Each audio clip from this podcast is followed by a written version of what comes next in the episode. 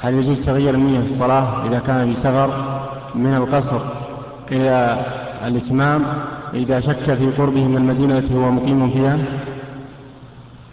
تغيير النية من القصر إلى الإتمام؟ نعم. وبارك الله فيك الأصل في صلاة السفر القصر ولهذا لا يحتاج إلى نية. يعني إذا دخلت الصلاة الرباعية وأنت مسافر وإن لم تنوي القصر فأنت اقصر.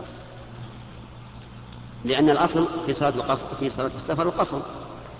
كما ثبت في البخاري وغيره أنه أول ما فرضت الصلاة ركعتين فأقر صلاة السفر وزيد في صلاة الحضر.